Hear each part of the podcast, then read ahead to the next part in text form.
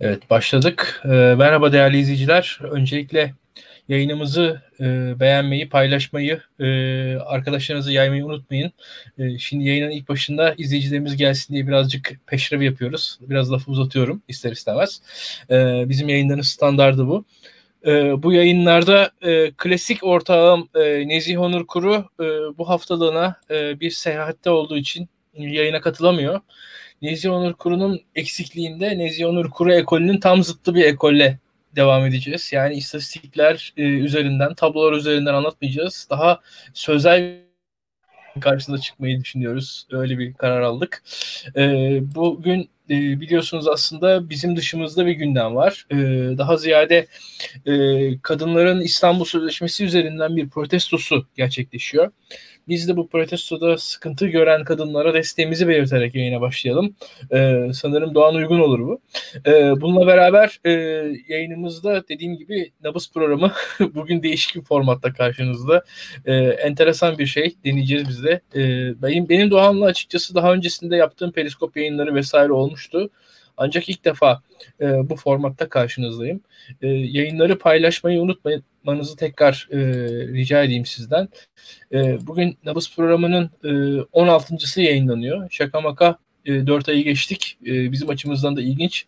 Farklı bir e, tarz deniyoruz. Bundan sonra da farklı tarzları da gene Nabız programı içerisinde denemeye devam edeceğiz konuklarımız olacak. Doğan tabii bizim için e, konuk sayılmaz. Doğan Doğan bizim daktilo e, camiamızın içerisinde. Camia da demek ilginç oldu ama da camiamızın içerisinde bizim parçamız, bizim ortağımız. En azından yayınlara e, çağırıyoruz e, sık sık. Kendisi de sağ olsun geliyor, e, bizi kırmıyor, e, katkıda bulunuyor. E, bugün e, bugünkü programda tekrar yayını paylaşmayı unutmadı, unutmamanızı rica edelim. E, tweetleri atalım e, rica edelim sizden. E, bugünkü programda niyetimiz şu. E, birazcık farklı bir şekilde Türkiye'deki siyasi partilerin e, da, değişimini, dönüşümünü konuşacağız. Bu konuşmamıza ilham verense son günlerdeki gelişmeler oldu. E, hep her, hepiniz biliyorsunuz İyi Parti aslında son 5 yıldaki Türkiye'deki en enteresan siyasal gelişmeydi.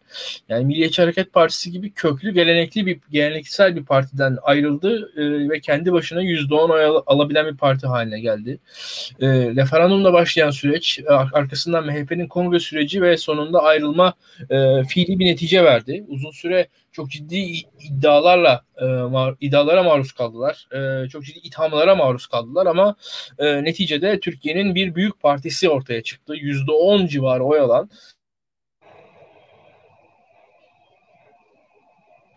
henüz bölünme aşaması e, gerçekleşmemiş olsa da bölünmenin konuşulduğu bir yer daha var.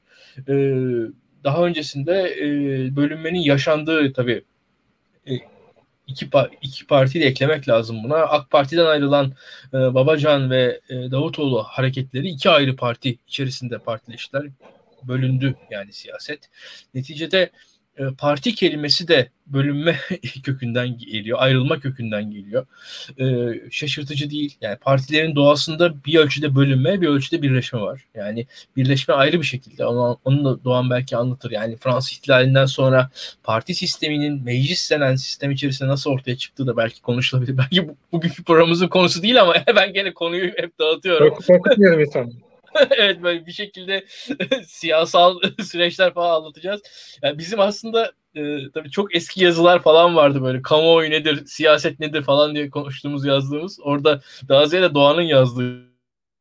E, bu neyse günümüze tekrar gelerek devam edeyim ben. E, Babacan'ın ve Davutoğlu'nun Deva ve Gelecek Partileri de tekrar yaşandığı bir bölünme yaşadık. Bugün bir başka bölünme yaşar mıyız diye konuşacağız. Ee, belki ilk aklımıza bu fikri, partilerin bölünmesi fikrini veren gündemde Muharrem İnce'nin hareketiydi. Muharrem İnce'nin hareketi üzerinden aslında ya Türkiye'de neler olmuş? Yani partiler bölünmüşler. Bölünme bu bölünme başarıyla sonuçlanmış mı? Ne sonuç vermiş? Partiler neden bölünmüşler? Niye bölünüyor partiler? Ya partinin bölünmesi dışında bir yol yok mudur? Parti içi demokrasi bir çözüm müdür? Türkiye'deki siyasal sistem partilerin bölünmesi perspektifinden tek parti döneminin sonundan itibaren Doğan bize bir anlatsa yani sonuçta Türkiye'de partiler nasıl Türkiye nasıl çok partili sisteme geçti? Bunun üzerinden Doğan bize bir geniş perspektif sunsun. Yavaş yavaş da güncele gelelim diye düşünüyorum. Yayını paylaşmayı e, unutmayın. E, Doğan sen bize yavaş yavaş bir Türkiye'yi anlat istersen. E, aslında Türkiye'de çok partili hayat bir parti bölünmesinin ortaya çıkıyor.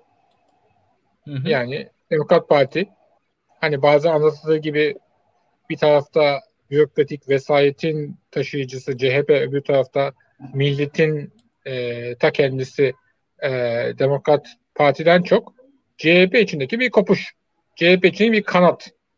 CHP içindeki e, daha e, hem ekonomik çıkar anlamında hem fikri anlamda farklı bir tarafın artık CHP içinde işte malum bu dörtlü takdirin CHP içinde e, işletilmemesinin ardına ayrılmasıyla ortaya çıkıyor.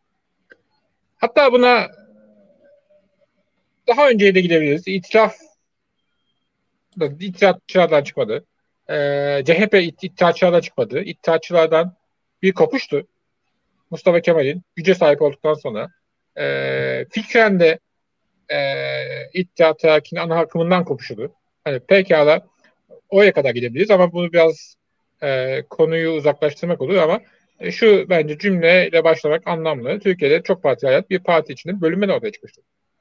Hatta ve hatta ve hatta Demokrat Parti'nin gerçek anlamda CHP karşıtı olmadığı, C, tam tersi e, CHP'nin iktidar için e, daha doğrusu CHP'nin mecbur kalarak İkinci Dünya Savaşı sonrası ortamda çok parti hayata geçmesinde Demokrat Parti'yi Cihan Bayar'ı e, önceleyerek onun ilk partiyi, ilk güçlü partiyi kurmasına İsmet İnönü'nün ve CHP'nin e, öngördüğü tercih ettiği, tercih ettiği e, fikri o dönemde o dönemde kurulan diğer güçlü parti görece güçlü parti var. Millet Partisi tarafından hı hı. zikredilerek Türkiye demokrasi başlamıştı ve o zamanki kullanılan tabir hani bu kelime bugün güncel modern Türkçe'de güncel Türkçe'de yok ama ter, terminolojik olarak adeta bu durumu tanımlayan bir kelime olarak Muvaza Partisi olarak tanımlanmıştı. Demiştik Osman Bölükbaşı ve Milliyet Partisi. Gerçek milletin sesi biziz. Demokrat Parti aslında İsmet İnönü'nün bir kumpası. Artık kaçınılmazı gördüğü zaman göstermelik olarak ya da e, bayağı gibi asla CHP özüne ihanet etmeyecek, ondan kopmayacak bir e, ismin ön plana çıkarak CHP'nin alternatif olmasının önünü açtı. Millet Partisi argümanı fakat halk bunu satın almamıştı. Halk Demokrat Parti'ye koşmuştu. Millet Partisi'nin 1950 seçiminden itibaren oyları %3, %4, %5 vesaire olmuştu. Tabii. Millet Partisi, yani mesela... büyümesi, Millet Partisi büyümesi aslında Demokrat Partiler e, kaçan oylara daha son olacaktı. Tabii. Yani mesela şey gibi e, belli rejimin kırmızı çizgileri diyelim. Laiklik, e, milliyetçilik e, ve anti-komünizm gibi yani baktığın zaman hani bu, bu belli kırmızı çizgilerde anlaşılarak aslında yani e, muhalefetin de sınırları çizilmişti bir, bir ölçüde denebilir diye düşünüyorum. Yani o evet. zamanlar. Evet, çünkü şey hani Alparslan Türkeş'in meşhur konuşmasına geçtiği gibi NATO'ya ve SENTO'ya bağlı. Tabii yani tabii. NATO tabii. Ve NATO ve SENTO yok daha ama fikren Soğuk Savaş Transatlantik İttifakı'na bağlı. E, komünizme göz açtırmayacak. E, ki ilgili bir tepki, tepkifatı bunu gösterecek. E, zaten hemen Demokrat Parti iktidarından sonra işte meşhur ticani diye geçen e, ama genel olarak bir takım kişilerin Atatürk heykellerini yıkma episodlarından sonra meşhur Atatürk koruma kanunu çıkması. Burada da sınır çizilmesi. Daha sonra e, Demokrat Parti hep iltisaklı olan e, bir takım daha milliyetçi, muhafazakar e, derneklerin ve onun e, parlamentolik uzantılarının demokratların atılması hı hı. E, vesaire vesaire. Demokrat Parti e, bir sınırı içinde kalmayı çok önemsemişti. Bu samimi olarak da Cihar Bayağı için, Adnan Menderes için, tüm kurucular için önemlidir. Fakat siyasetin doğası muvazalığı kaldırmaz. Yani Demokrat Parti, 1952 Demokrat Parti ile 1962 Demokrat Parti farklı yapılardı.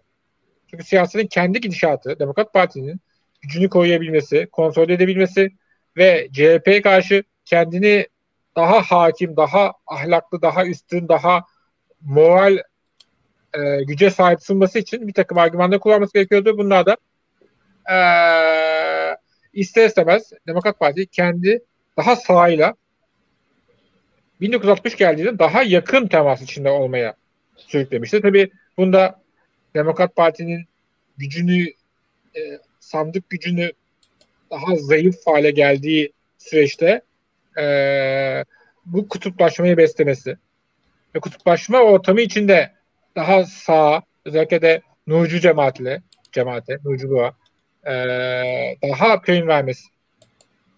Demokrat Parti'nin öngördüğü, Demokrat Parti kurucunun öngördüğü bir durum değildi. Ama siyasi kendi doğası vardı. Siyaset tüm o anlaşmaları, tüm o kağıt üzerindeki centilmenlik anlaşmalarını bir kenara kaldı. Yani kağıt üzerinde bugün de siyasetçi anlaşıyorlar. Anlaşmıyorlar değil yani. Bu tamamen göstermelik kavga dövüş.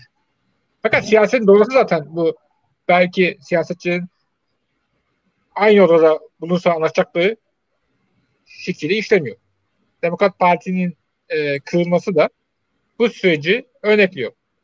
Ya Doğan mesela şöyle bir şey var dediğin gibi mecliste vekillere baktığın zaman e, gereksiz bir laubalilik falan görebilirsin bazen. Çünkü bunlar orada geçirdikleri 4 ila 8-10 yıl içerisinde tanışıyorlar. Samimi ilişkilere kavuşuyorlar ve onun sonunda garip bir şey oluyor vekiller arasında. E, ama aslında çatışmanın kaynağı o insanlar arasındaki şahsi mus, e, hani e, musi yani şeyler değil şahsi sıkıntılar falan değil. E, bu dediğin çok doğru.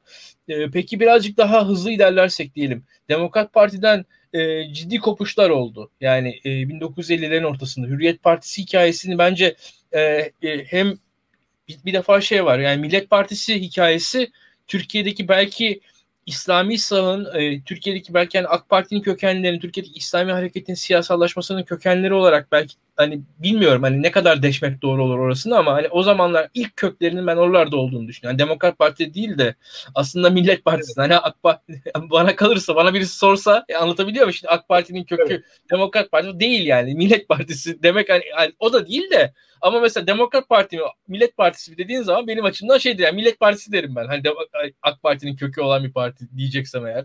Hani öyle söyleyeyim. Yani bir Adnan Menderes'in Celal Bayar'ın partisinin AK Parti'nin kökü olduğunu söylemek biraz e, fantastik, absürt gibi geliyor bana.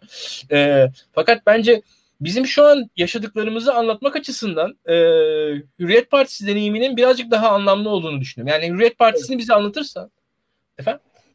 Ee, Adnan Menderes'in 1955'te başlayarak özellikle daha belirginleşerek parti şahsileştirmesi, me- meclis grubunu e, devreden çıkarması, meclisi hükümsüz kılması, Demokrat Parti teşkilatının zayıf kalması hissi ve genel olarak otoriterleştiği zaman Demokrat Parti içinden bir, bir grup milletvekili e, parti ayrılarak Hürriyet Partisi'ni kuruyor. Hürriyet Partisi tam olarak e, Türkiye'de aslında her zaman Türkiye sağının bir damarı olan daha liberal, daha özgürlükçü diyelim, daha mutedil ya da belki bir tarafını her zaman ortaya çıkartıyor. Fakat aynı zamanda bunun doğal sınırlarını ortaya koyuyor. Hani, tabii ki büyük beklentilerle kendini Demokrat Parti'nin e, gerçek Demokrat Parti'nin ayağında tabanın gerçek sahibi görülen gören bir partinin e, sonuçta ulaşabildiği oy çok sınırlı ve Hürriyet Partisi eriyerek CHP'ye katılarak e, varlığını sona erdiriyor.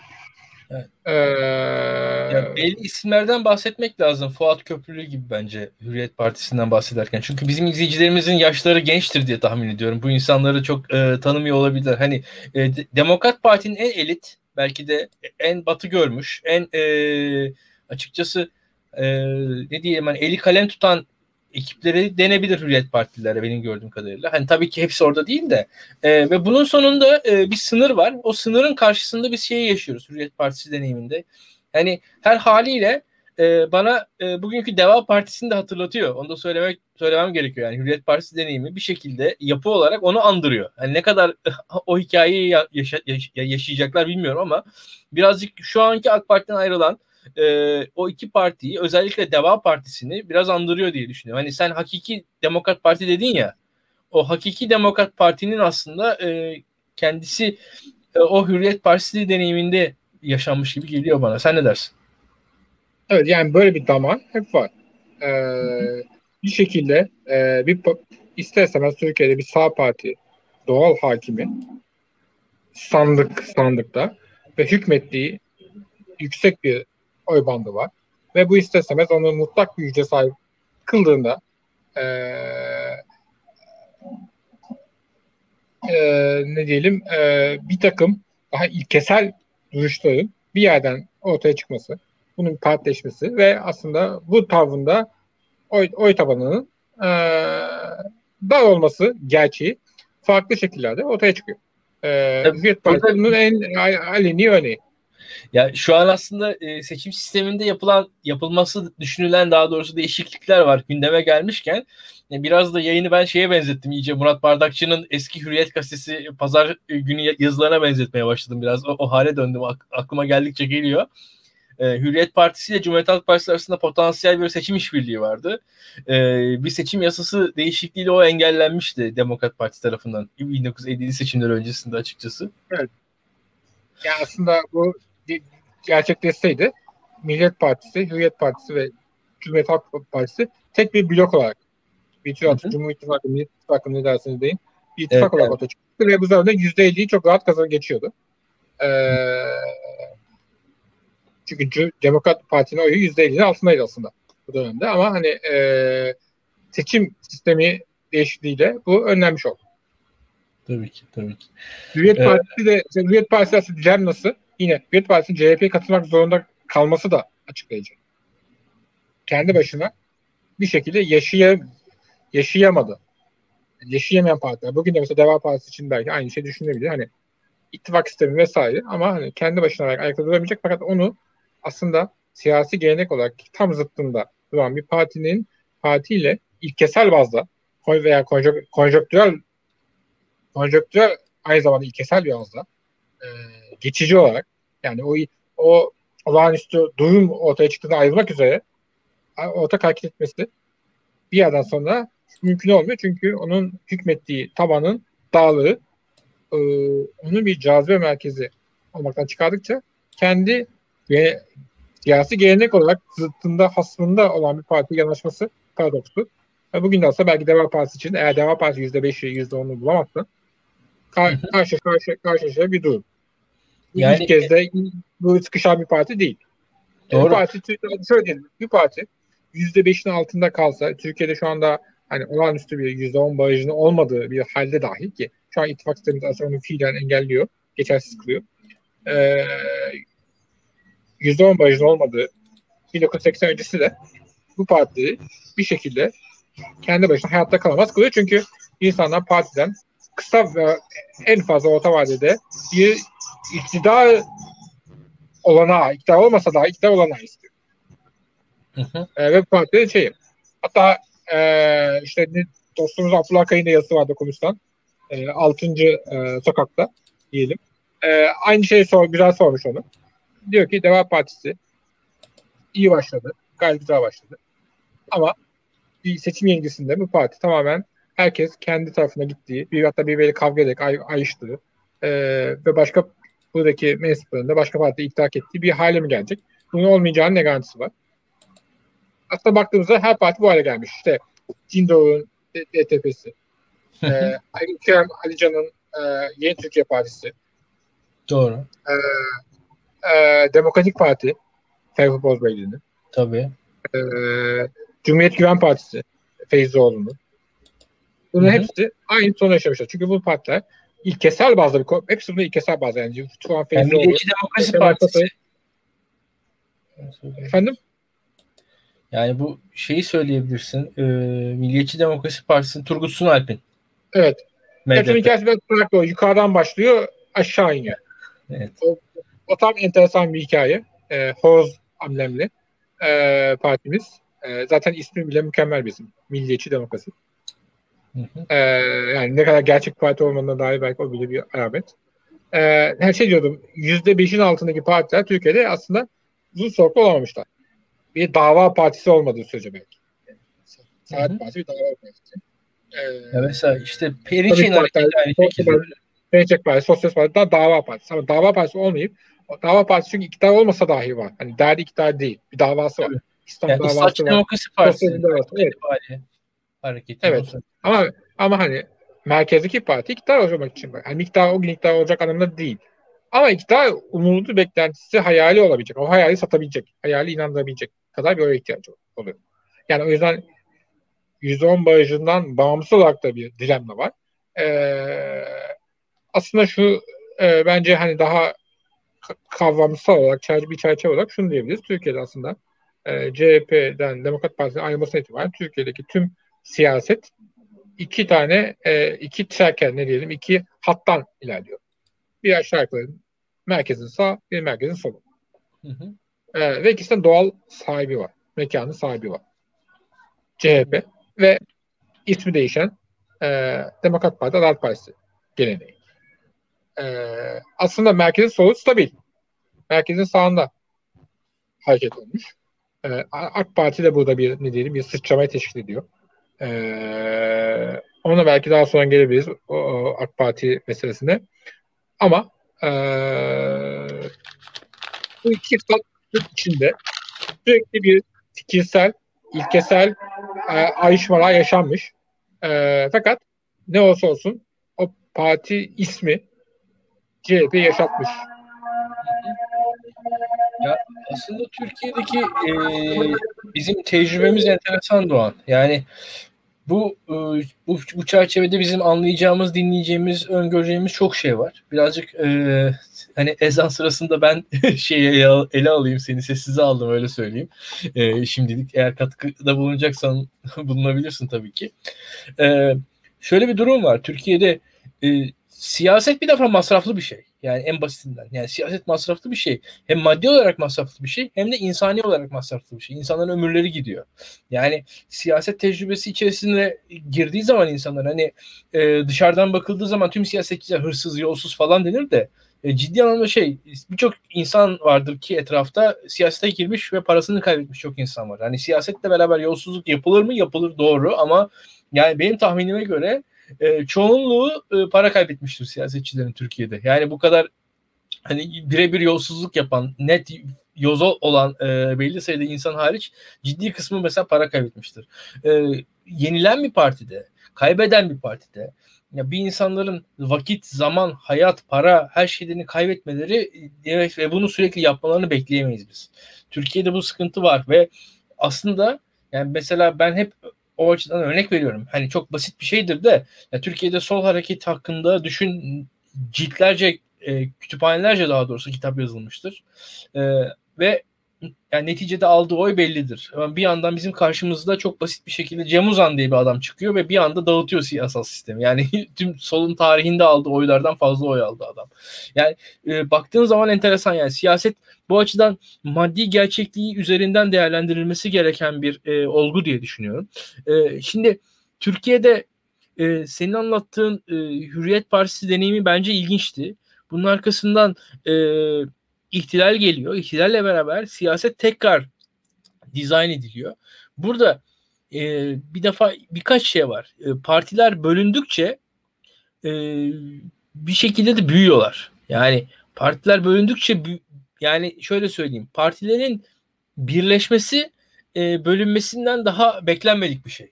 Yani hatta e, benim gördüğüm kadarıyla yani şimdiye kadar Türkiye'deki parti birleşmelerini genelde sol yapmaya çalıştı. Ee, sağın denemeleri işte ANAP ve DYP arasında oldu ve e, onlar direkt başarısız sonuçlandı. Ee, ama e, benim gördüğüm kadarıyla e, parti birleşmelerinde hani sol denedi, sol daha başarılıydı ama hani onun da bence sınırları vardı. E, partiler yapıları gereği e, bölünen varlıklar ve bölünmeleri daha sahici bir şey diye düşünüyorum ben. Ve burada e, ya yani burada bu yorum çok doğru. Hani sermaye, asker vesaire her şey bir araya geliyor ama bir, birkaç şey olmuyor ve bir şekilde e, partileri birleştiremiyorsunuz. Partiler yapıları yani partilerin yapıları aslında bölünmeye daha yatkın. Ama şu bölünen partilerin ayakta kalıp kalmaması orada bir dinamik var. Yani orada sizin ne kadar oy alacağınızla alakalı. Mesela yani Meral Akşener'in e, İyi Parti hareketi tamam hani bazı insanlar çok iyimser şekillerde yüzde 25'ler 30'lar e, ifade etmiş olsalar da aslında yani al, ilk girdiği seçimde aldığı %10 oy az bir oy değil. E, çok ciddi bir oy ve orada aslında ulaştığı e, başarı kolay bir başarı değil. Yani bir onu onu elde etmek hiç kolay değil ki bugün e, aynı sıkıntıları görüyoruz. Yani e, Davutoğlu'nun Gelecek Partisi'nde, Babacan'ın Deva Partisi'nde öyle e, İyi Parti'nin oyunun küçümsenecek bir oy olmadığını bize gösterdi diye düşünüyorum bu son yaşananlar. Bu bu çerçevede e, 1960 sonrasında, ihtilal sonrasında siyaset tekrar e, ortaya kartlar seriliyor ve bir yandan oyun tekrar kuruluyor. Burada kurulan oyunda e, karşımızda aslında bir e, YTP Adalet Partisi arasındaki ilişki bu senin anlattığın ilk ilişkiye daha benzer bir ilişki. Ama e, bu e, Köylü Millet Partisi, Cumhuriyetçi Köylü Millet Partisi arkasında hani bu Millet Partisi'nin belki e, devamı sayılabilecek. Arkasından en sonunda MHP. Bu çizginin ortaya çıkması ve kendisini var etmesi. E, bir diğer yandan da e, Milli Nizam, Milli Selamet Partisi çizgisinin ortaya çıkması, kendisini var etmesi e, ayrı değerlendirilmesi gereken şeyler diye düşünüyorum. Türkiye'de öyle ya da böyle e, hani sosyalist sol da o zaman e, sahneye çıktı en azından sandık siyasetinde sahneye çıktı öyle ya da böyle. E, bu çerçevede 1960'lar üzerinden bu bölünme hikayesini birazcık daha anlatır mısın bize Doğa? E, şimdi tekrar senin mikrofon. Bitti o zaman. Ee, yeni. Ee, 27 Mayıs'tan sonra e, Demokrat Partili herkes artık şüpheli. Yani e, tabii 27 Mayıs cutasını açmazı bu partiyi kapattılar. Bu partinin doğal devamı var. Tamam milletvekili yataklı falan filan ama ee, bu partinin dayanı organik bir teşkilat var. Yani teşkilattaki hep ne kadarını siyasi hesap getirse başka olacak. Ee, peki ne yapmalı? Bu sırada aslında Hürriyet Partisi bir imkan açıyor. Ee, Ekrem Alican e, Hürriyet Partisi e, Adalet Partisi milletvekili pardon Demokrat Parti milletvekili Demokrat istifa eden milletvekillerinden Hürriyet Partisi'ne katılıyor. Fakat Hürriyet Partisi artık yaşayamayacağı zaman e, bir, bir, bir taraf CHP içine katılmayı tercih ederken bir taraf buna karşı çıkıyor. E, e, CHP içine katılmayı reddediyor. Bu artık onların doğal ne diyelim e, ilkesel tavrı. Çünkü CHP karşıtı olarak tanımlanmış daha baştan. Ekrem İmamoğlu e, dahil olmayanlardan. Fakat daha sonra e, 20 Mayıs onun Demokrat Partililiği ve yani da CHP katılmayarak ispatladı Demokrat Partililiğini den de faydalanmak için Maliye Bakanlığı'na, Maliye Bakanlığı'na getiriyor. Ve daha sonra da aslında bir nevi Kemal İcan burada doğrudan 20 Mayıs hedeflemeyen, hedef almayan e, Demokrat Parti geleneğini bu şekilde yaşatmak isteyen bir partinin başına geçiyor. Yeni Türkiye Partisi. E, 1961 seçimlerine gelindiğinde sağda so, e, solda CHP, CHP olarak devam ediyor. Sağda işte Millet Partisi artık ismi değişmiş halde Cumhuriyet Cumhuriyet Köylü Millet Partisi ismini almış haliyle devam ederken e, Demokrat Parti'nin veliahtı iki parti var. Adalet Partisi ve Yeni Türkiye Partisi. İkisi de siyaseten farklı yerle işaret ediyorlar. Biri 27 Mayıs'a karşı daha müşrik diyelim. Daha bilenmiş, daha sert ve daha kendini 27 Mayıs karşılığından sadık olmamış parti. Diğeri de 27 Mayıs'ta daha ılımlı, daha uzlaşmacı. Ee, aslında tam olarak 27 Mayıs'ın hayal ettiği yeni sağ. Yani merkez sağ olacak. Demokrat Parti geleneğini yok edemeyiz. Edemeyiz fakat Demokrat Parti 27 Mayıs'a doğrudan meydan okumayacak parti haline gelebilir mi? İşte yeni, yeni seçmenler bu e, e, Ekim 1961'de sandığa gittiklerinde bunun tercihini veriyorlar ve tercihleri çok net bir şekilde 27 Mayıs'ta meselesi olan partiye yöneliyor. Ya Adalet Partisi yanılmıyorsam %30 4 ya da 32 oluyor. E, Yeni Türkiye Partisi %14 oluyor. E, ve Yeni Türkiye Partisi'nin şansı tabii ki yani biraz fazla uzatıyorum belki ama CHP'nin iktidar olması mümkün olur böylece. Çünkü sağ ikiye bölündüğü için yani Millet Partisi'ni kenara koysak bile Demokrat Parti'nin doğal tabanı ikiye bölündüğü için CHP az farklı birinci parti olacak. İstediği yönüm başbakan olarak e, olabilecek fakat koalisyon ortağa ihtiyacı var. Yeni Türkiye Partisi buna dahil oluyor. Ve böylece de e, İsmail İnönü'nün ve CHP'nin e, sağın bölündüğü bir ortamda e, başbakan olmasını son kez başbakan olmasını mümkün kılıyor. Fakat ya, e, sağda aslında bu tavır affedilmiyor. Yani yeni Türkiye Partisi yaşayamıyor. Yani e, e, yaşayabilirdi. Çünkü bir tarafta aslında bunun karşılığı da var. Yok karşılığı yok değil. Fakat e, bir, bir, bir, büyük bir balık daha fazlalığında o balık küçük balığı yutacak mekanizma var. Hani bu şey demek değil. Hani tabanının hiçbir karşılığı yoktu değil. Zaten %14'ünü almış. Ee, daha sonra da belli bir oyun alıyor. Fakat Adalet Partisi karşısında meydan okuyamıyor. Daha sonra tam tersine var. Adalet Partisi'ne karşı ikinci büyük meydan okuma diyelim. Parti içinden, doğrudan parti içinden. Demokratik Parti. Demokrat Parti bu sefer Adalet Partisi'nin daha sağını temsil ediyor. Ee, çünkü Demirel e, bir yandan e, iktidarı e, parti genel başkanı olurken e, 27 Mayıs karşıtı geleneği taşısa da bir yandan daha ne diyelim daha liberal mi denir, daha kozmopolit mi denir? Daha e, Mason. Yok, yok. İşte mason diyecektim. Mason, o da en büyük şey demeli mason olması meselesine geliyor. Ama aynı zamanda bir bürokrat tavrı var. Çünkü bir evet. bürokrasiden gelen geliyor. Ya biraz daha da acısı var.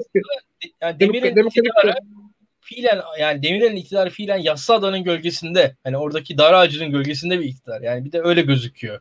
Ee, evet. Onun korkusu, onun o, o duygular da var orada. Askerlere karşı her zaman dengeli. Hı-hı. Askerlerden olan bir tehdide karşı. Ve zaten aslında Demirel'in e, Adalet Partisi'ne seçildiği ve mason olduğu, gündem olduğu e, parti kongresinde Saadettin Bilgiç'e karşı yarışıyor. E, ikisi de Spartalı. Sparta havasından mı suyundan mı da bilmez ama merkez sağ liderler yetiştiriyor dönem. Yani o dönem hakikaten e, ve sonra Bilgiç 10 yıl boyunca gücünü koyacak. E, ne diyelim Demirel'e karşı ana e, rakip. Bilgiç e, şey göre daha muhafazakar tarafını temsil ediyor. E, parti içinde güçlü bir karşılığı var. Fakat Bilgiç doktor değil bu arada? Bu, hani, Tamam. E, Sait bilgisi var, Sait'in bilgisi var. Bir doktor hangisi doktor emin değilim. Kardeş, iki kardeş. Karıştırmış ben de olabilirim. Şimdi hata Ben de karıştırmış oldum. Ne karıştırmış Sait ve Sait'i. Hatta bilgi şöyle ki ada AK Parti milletvekili de vardı. Isparta milletvekili. Evet evet Ondan, o da akrabasıydı. Evet. Evet bilgi soyadlı. Hani bir şekilde e, nam devam ediyor. E, Emin Bilgi. Şimdi kardeşleri de e, edebiyat, edebiyatçı, tarihçi pardon. E, o da Aydın Ocağı'nda aktif. Yani bilgi çaresi Türk muhafazakar entelijansiyasında bir yer teşkil ediyor. Neyse e, bunlar da şey, 50'lerde Milliyetçiler Cemiyeti'nden geliyorlar. E, Milliyetçiler Cemiyeti ama bugünkü MHP gibi düşünmeyin. Daha çok muhafazakar gençlik örgütü, sivil toplum örgütü diyebiliriz. Her zaman Demokrat Parti'nin karşı daha radikal gençliği temsil ediyorlar. Demokrat Parti'yi daha radikalleştirmek isteyen bir eğilim. Ee, milliyetçi o zaman şu anki bir etik milliyetçiler çok bütün Anadolucu, Anadolu'nun bağı imaları taşıyor. Ee, yani dinle daha barışık. Yani böyle bir çelişki yok daha doğrusu. Bir milliyetçilik deyince istersen dinle bir çelişki addediliyor ve eller algısında bu henüz yok. Çünkü İslamcılık henüz e, bu kadar belirgin olarak ortaya yani, çıkmamış. Neyse konuyu dağıtmadan. Kaynaklar yok ortada yani hatta. Evet. E, bilgiç demeye çatışması istersen partinin aslında doğal olarak iki faksiyon yarışıyor zaten. Fakat Demirel Türkiye'de bir malum prensipte bir, ikisi iktidar gelince asla iktidarı bırakmaz. Hı hı. O gücü elinde tutar. Hani bunun çok istisnası çok düşük. Yıldırım Akbudu vesaire. Ee, ve Demirel aslında partide kendi fikriyatı yani daha ılımlı, daha merkezci, daha batıcı diyelim aynı zamanda. Ee, eğilim tabii ki parti hakim görüşü değil fakat e, bir kere elinde, tuttuğu zaman parti mekanizmasını geçiyor. Ve e, bu muhafazakar kanat 70 kaç yılında Demokratik Parti bu Demokratik Parti kuruyor. Bu da başka bir nokta daha var. Arkasında. Yani sadece ilkesel değil. E, Celal Bayar parti yönetmek için aslında ona fiştekliyor. E, bu, bu boyutta var. Gece kondu yaptırmam lafı kimindi? O Demir'in değil mi Özal'a karşı? Evet. E, sanki benim de tarih bilimine Celal Bayar ve e, Süleyman Demirel ve arkasından Turgut Özal ve Süleyman Demirel arasında esasında evet. hemen hemen aynı hikaye yaşanıyor. Hikaye, evet. Yani Celal Bayar iddiasını koyuyor. Zaten şeyde meşhurdur. Ee, Demokrat Parti af çıkması e, önce ordunun kırmızı çizgisi sonra Demir için de çok faydalı bir hale geliyor. O affı çıkartmıyor uzun süre. Ancak ancak 10 yıl geçtikten sonra artık Demokrat Parti mazisi iyice anlamsız hale geldikçe daha az Demokrat Parti artık e, af çıktığı an siyasete girecek hale geldikçe ancak Demirel onu e, lütfediyor. Ve tabii Ciğer Bayağı bu da çok beğeniyor. Yani Ciğer Bayağı 64 yılında falan kendini bu hareketin doğal sahibi görüyor. Demirel onun için daha dünkü çocuk. Tabii, Tıpkı Emre Mustafa Kemal'i görmesi gibi. Tabii tabii yani e, su müdürü e, lafı Ciğer Bayar'ın aslında. Yani orada Süleyman Su müdürü, su müdürü. Su müdürü, tabii su müdürü. Kendisi yani, su müdürü, evet. Evet. Yani su, su müdürü yani baktığın zaman. Ee, ama burada şunu vurgulayacaktım. Demokrat Parti doğal bir tabana giriyor fakat Demokrat Parti ilk seçiminin 73 yılında %11 gibi iyi bir oy alıyor. Fakat 77 yılında Demokrat Parti yok oluyor. %1-2 mi ne oluyor? Ee, yani e, hani bir doğal bir halk tabanı var aslında Demokrat Parti fakat e, e, Adalet Partisi marka değeri var, iktidarı var, gücü var. E, ve o yetiyor. Demokrat Parti'yi yiyor demiyor. Diğer partilerde bir yandan desteğini çekiyor Demokrat Parti'den. Demokrat Parti'den destek çektiği an e, parti e, yıkılıyor. Birçok partili diktatör bir günde de olmuyor. Yavaş yavaş. Orada bir yerden şey, sonra ilk, ilk, bu, ilkesi olarak tamam tarzı tutuyorsun. Hata olmasın Demokratik Parti. E, Demokrat Parti değil. Parti. Öyle dedim. Tamam. Demokratik Parti. Evet. Ee, şey tamam ilkesi olarak kızdınız ayrıldınız aslında bayağı da güçlü insan isimle ayrılıyor şeyden. Adalet Partisi. Mesela Hüsamettin Dörük ayrılıyor. O da Demokratik Parti e, İstanbul İl Başkanlığı yapıyor. E, Elmesi Ferruh Gözbaylı o zamanki Adalet Partisi adına meclis başkanı partisi de başına geçiyor. E, yani çok da güçlü bilgiçler zaten orada. E, Demokrat e, Adalet Partisi çok güçlü e, o dönemin Süleyman Soylusu Faruk Sıkan geçiyor. İçişleri Bakanı evet. 4 yıl boyunca alt kestik kestik. O geçiyor. Fakat hiçbir e, bu kadar güçlü isimler geç, geçtiği halde e, Demokratik Parti, Demokratik Parti yaşayamıyor. Bunun da bir mekanizması var çünkü bir yerden sonra tamam ilkesel olarak bir tavrınız var. İlkesel olarak devreli bir, bir takım davayı satan, davayı kendi şahsi ikbali için veya den, denge politikası için e, önemseştiren karşı taraf dişini sıkıyorsunuz. Bir yıl, iki yıl. Bir yerden sonra artık e, bir yer sonra tabii ki Demirel akıllı. E, Fatih çağ yaptığında koşa koşa bir takım insanlar geri geliyorlar. Ya burada yani aslında kaç keser tarzı koyacaksınız. Tabii. E, bizi izleyenlere birazcık e, hani eğlenceli bilgiler verelim. Mesela tanıdıkları e, bir insan Ahmet Türk. E, Demokratik Parti 1973 Mardin milletvekili aslında. Yani o Hüsamettin Cindoruk'ta falan yani, siyaset yaptı aslında. Yani bu Demokrat Parti'nin e, de daha sağ Demokratik Parti. Evet yani hani Ahmet Türk oydu. Ahmet Türk oradan ayrılıyor. E, bir yandan sonra Cumhuriyet Halk Partisi'ne geçiyor. Arkasından HDP. Yani aslında Ahmet Türk'ün siyasal e, yolculuğu da enteresan. E, bizi izleyenler de buradan mesela biraz açsınlar baksınlar e, okusunlar. Zaten o Türk soyadı öyle boşuna verilmiş, boşuna alınmış bir soyad değil. Yani bir tesadüf bir soyad değil yani. Onu orada e, yani rastgele hani Ahmet Türk'ün soyadı öyle rastgele Türk değil yani. O ailesi de önemli bir aile zaten. E, onu söyleyelim.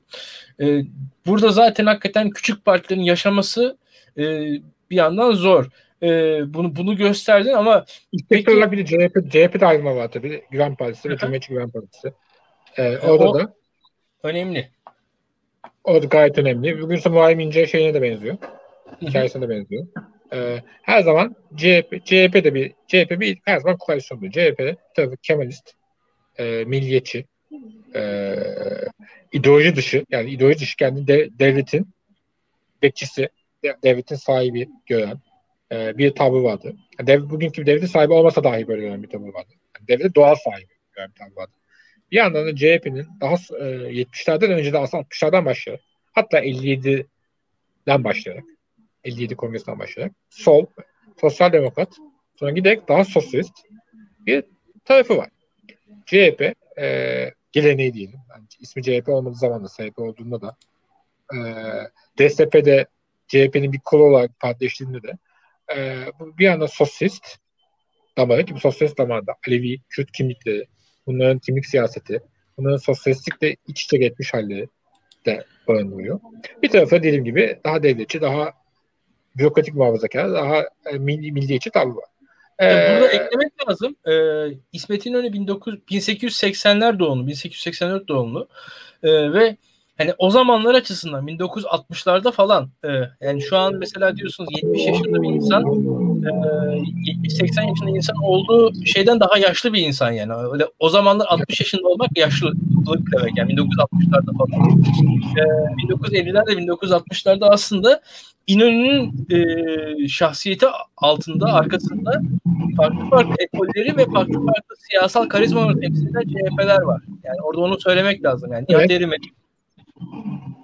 Ee, Bülent Ecevit'in. CHP'nin liberal, liberal tarafı da var. Yani, tabii ev kayın hayatını 12 Mart'ın başbakanı olarak tamamlıyor. O algıyı tamamlıyor. Fakat ilk olarak Nihat Ecevit altın çocuk olarak ortaya çıktı. 40'ların sonunda CHP'nin liberal, daha Batı ittifakına bağlı liberal demokrat tavrını temsil ee, sonra o, o taraf yaşayamıyor falan ama 60'da şey diyordum 60'larda İnönü parti içinde sol bir taraf çıktığında bunu önüne açıyor. Bunu engellemiyor.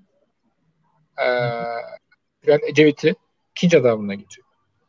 İkinci adam için aslında Turan Feyzoğlu ee, Ecevit yarış içinde. Turan Feyzoğlu o zaman Avrupa solu bunu temsil ediyor. İşte şey e, İngiliz İşçi Partisi geleneğine çerçevesinde. Fakat bir şekilde ikinci adam Turan, Güney, Turan Feyzoğlu olamıyor. Turan Feyzoğlu kim? Metin Feyzoğlu'nun dedesi. Ee, Turan Feyzoğlu ee, Ecevit'e bu makamı diyelim ikinci adamlığı kaptırınca ee, giderek bu sefer daha partinin bürokratik muhafazakar, Kemalist tarafının temsilcisi haline geliyor. E, ve Ecevit'in partiyi daha sol açmasıyla ve teşkilatlar tabii e, parti daha Ecevit Ecevit'i 72 yılında kurultayda kazandığı teşkilatlar.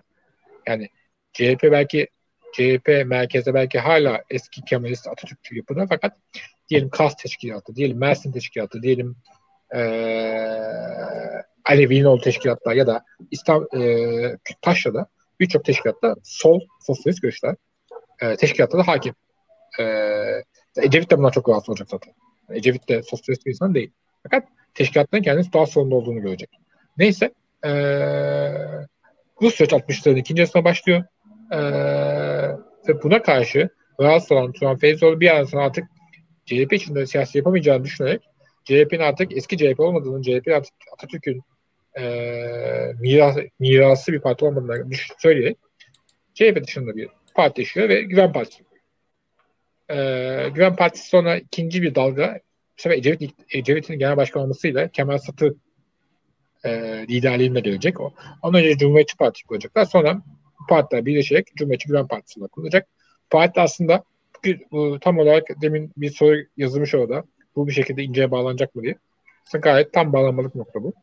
Ee, Tabii. CHP içindeki iki hakim unsur dedim. Hakim derken aynı anda koegzist eden, beraber bağlanan iki taraf e, bunun yaşaması, beraber yaşaması çok ilginç bir durum. E,